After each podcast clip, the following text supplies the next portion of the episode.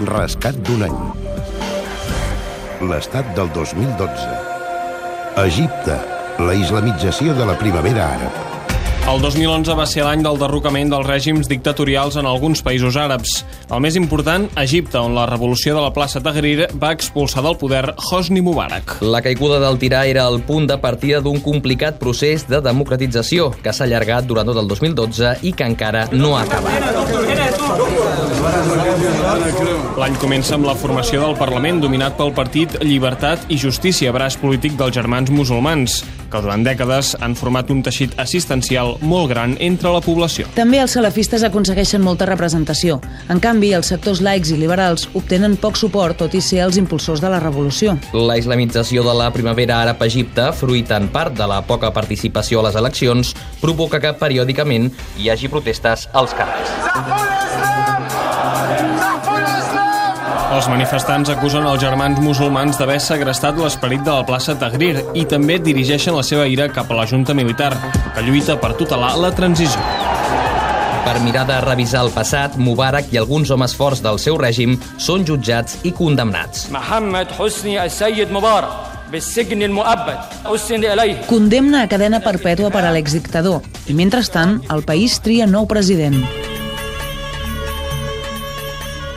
Avui ha començat oficialment la campanya per les eleccions presidencials d'Egipte, les primeres després de la caiguda de Hosni Mubarak fa més d'un any. Mohamed Mursi és el primer president elegit democràticament d'Egipte. El líder dels germans musulmans ha guanyat la segona volta de les presidencials amb poc més de la meitat dels vots i ja ha fet una crida a la unitat nacional.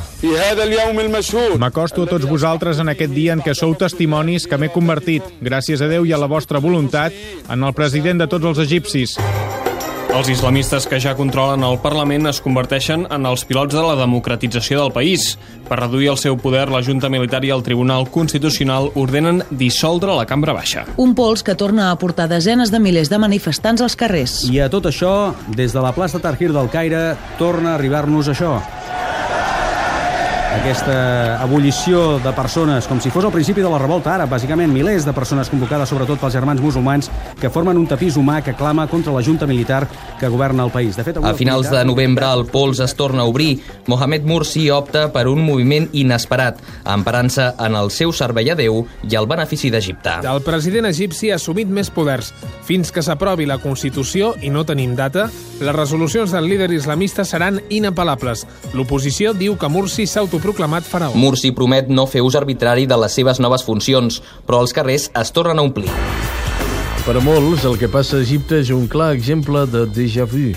Una marea d'opositors egipcis han tornat a inundar la plaça Tahrir del Caire i els voltants en una nova protesta per exigir que es revoqui l'acte constitucional amb la qual el president Mohamed Mursi ha blindat els seus poders.